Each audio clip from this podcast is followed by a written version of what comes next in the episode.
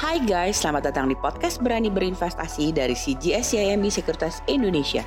Sebuah podcast yang akan membahas tentang pasar modal, update seputar investasi saham, dan tips investasi untuk milenial. Buat kamu semua yang penasaran, stay tune terus ya di podcast Berani Berinvestasi dari CGS CIMB Sekuritas Indonesia.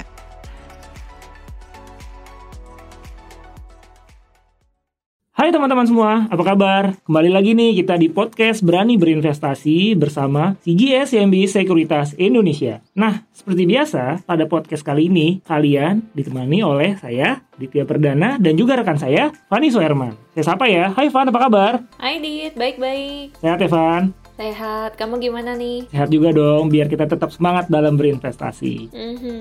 Ini menarik banget ya di podcast kali ini kita akan membahas yang namanya Santa Claus Rally. Jadi kalau misalnya kita lihat nih Van, kita kayaknya makin harus ekstra hati-hati nih ya di tengah munculnya varian Omicron yang baru harus perketat prokes supaya kita semua tetap sehat dan tidak muncul gelombang 3 yang membuat ekonomi kita terhambat lagi. Karena sekarang udah memasuki bulan Desember ya, pastinya kita mau bahas sesuatu yang seru nih ya. Nah, kira-kira Santa Claus itu apa sih, Van? Oke, nah jadi memang kalau bulan Desember itu ya pasti identik dengan hiasan-hiasan Natal nih kalau kita pergi ke mall ya. Iya. Dan juga kalau kita inget-inget nih sebelum pandemi, nah tiap kita ke mall, apalagi bawa anak-anak ya, nah pasti kita lihat yang namanya Santa Claus yang keliling bagi-bagi permen gitu ya di mall-mall nih. Eh, bisa kita ambil sedikit kesimpulan ya, kalau Santa Claus ini kan sukanya identik dengan bagi-bagi hadiah gitu ya. Jadi istilah Santa Claus Rally ini digunakan untuk menandakan ada potensi Santa datang nih ke market untuk bagi-bagi cuan ya. Atau dengan kata lain, harga saham-saham pada naik nih di gitu. Menarik banget ya, masuk akal juga ya. Jadi sebenarnya ini lebih ke arah window dressing ya, Van? Benar, karena biasanya di akhir tahun itu baik fund-fund manager atau perusahaan-perusahaan pastinya ingin memperbagus portofolionya mereka gitu ya. Supaya tutup tahun tuh bisa dengan cantik gitu deh. Waduh mantap ngomongin cantik nih memang bukan cuma cewek-cewek aja nih ya yang pastinya mau tampil cantik di akhir tahun. Tapi saham juga dong ya.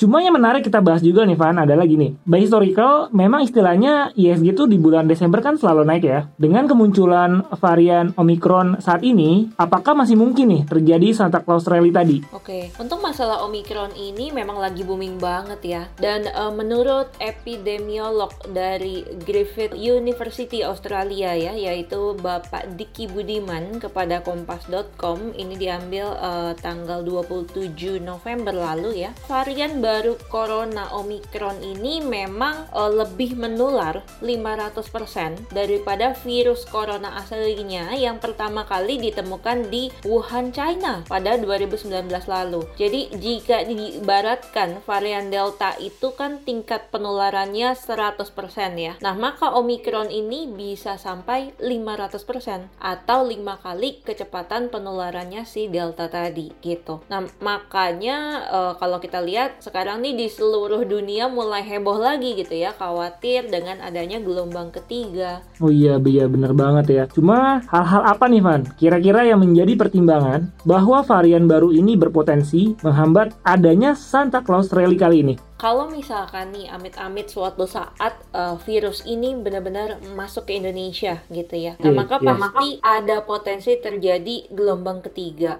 gitu. Nah sama seperti ketika Delta waktu itu masuk ke Indonesia terjadilah uh, COVID gelombang kedua yang besar gitu ya dan akhirnya mengakibatkan uh, kita mengalami pembatasan-pembatasan lagi gitu ya. Jika terjadi gelombang tiga inilah sebenarnya yang akan kembali menghambat pertumbuhan ekonomi gitu sehingga IHSG kita juga potensi uh, koreksi lagi gitu. Nah hanya saja kalau misalkan kita lihat ada beberapa hal nih yang sudah diantisipasi oleh pemerintah ya mulai dari penerapan PPKM 3 di tanggal 24 Desember hingga 2 Januari lalu juga ada aturan mengenai uh, nggak boleh cuti ya Iya. pada saat Natal dan Tahun Baru. Kemudian juga kalau misalkan uh, baru pulang dari luar negeri, nah sekarang wajib karantina 7 hari ya sekarang. Gitu. Nah, jadi sebenarnya semua ini nih ditujukan untuk untuk membatasi mobilitas masyarakat gitu sehingga uh, sebisa mungkin membendung kenaikan kasus COVID-19 saat libur panjang nanti. Dan harapannya adalah semoga aja nih bisa menolong Indonesia yang kalaupun ibaratnya ada gelombang ketiga ini nggak naik signifikan gitu ya. Mudah-mudahan Evan kita berharap. Nah kalau begitu yang harus kita waspadi adalah perkembangan kasus Omikron ini ya. Tapi kalau dilihat nih oh. dari sisi yang lebih positif untuk market apa katalisnya nih? Katalis lain sebenarnya ada beberapa ya. Jadi yang pertama nih, kalau dilihat dari segi uh, vaksinasi yang udah cukup tinggi, seharusnya di first key 2021 nih kita sudah bisa memasuki fase endemik gitu. Tapi dengan catatan kalau tidak terjadi lagi lonjakan gelombang 3 yang signifikan ya. Yeah. Terus selain itu ada apa lagi? Jadi kita lihat dari uh, segi foreign flow. Jadi uh, saat ini big inflow itu udah ada mulai 12 Juli hingga 12 November. Ini kalau dihitung kurun waktunya sekitar 18 bulan. Panjang 18 bulan itu itu ada uh, inflow sekitar 3,3 miliar US dollar di mana ini nih hampir mendekati level tertinggi dalam 10 tahun yaitu 3,6 miliar US dollar gitu. Nah, inilah yang membuat IHSG ini sempat naik ke level tertinggi ya di 6.723 pada 22 November kemarin. Wow, menarik banget ya. Ya, berarti ibaratnya asing sangat optimis ya dengan Indonesia nih, Van. Padahal pandemi belum selesai dan ditambah lagi ada tapering serta potensi kenaikan freight rate. Benar, Diet. Jadi memang ekonomi kita saat ini tuh cenderung lebih kuat gitu ya. Karena salah satunya juga ditopang oleh kenaikan dari harga-harga komoditas. Terus likuiditas kita juga cukup kuat gitu ya. Nah, sehingga kalau kita lihat ekonomi kita nih cukup stabil yang sekarang gitu. Dan seperti yang udah